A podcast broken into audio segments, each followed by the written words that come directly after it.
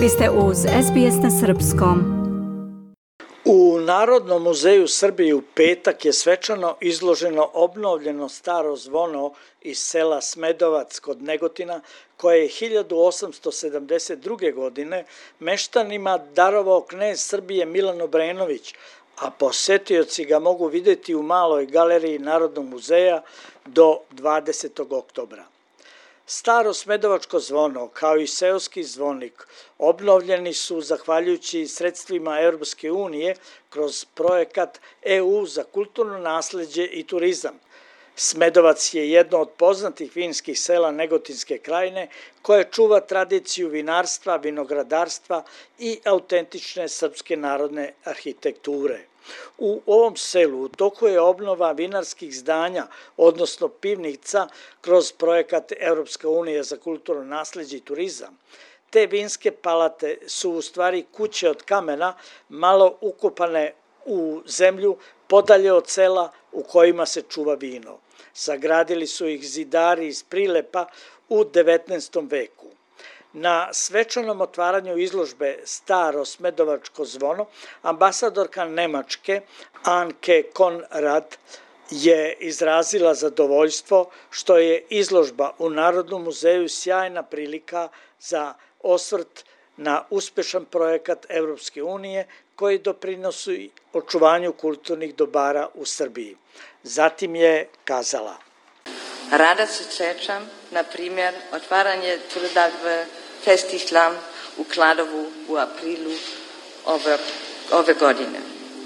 Evropska unija, Nemačka i Srbija na ovom projektu rade ruku pod ruku kako bi se cijeloj publici omogućio pristup kulturnim blagima Srbije.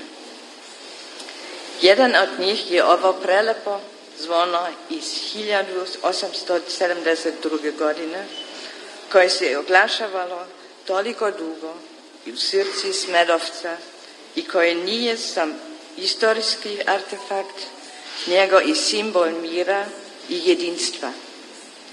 Zvona su udve, uvek pozivala ljude, kao u vremenima radosti, tako i u vremenima tuge. Njihov zvuk povezuje ljudi, bez obzira na poreklo ili kulturu. Nemački pesnik Friedrich Schiller stavio je pred početak svoje čuvene pesmo o zvonu sledeći moto. Pozivam žive, oplakujem mrtve, teram munje. I u samoj pesmi izražava želju da citiram iz prevoda Branimira e, Živojinovića na radost grada cijelog, mir odzvanja za zvona tog. Živimo u vremenu kojem ponovo obeležavaju konflikt i razor. Ovo zvono nas opominje da bi zvuk mira trebala uvek biti glasniji od zvuka rata.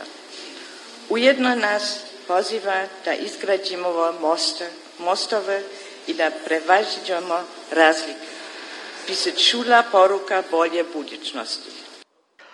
Pozdravljujući zvanice, direktorka muzeja Bojana Borić-Brešković je istakla da je zvonik u selu Smedovac kod Negotina obnovljen i vraćen u funkciju, a njegovo zvono je prvi put izloženo u Beogradu. Potom je dodala.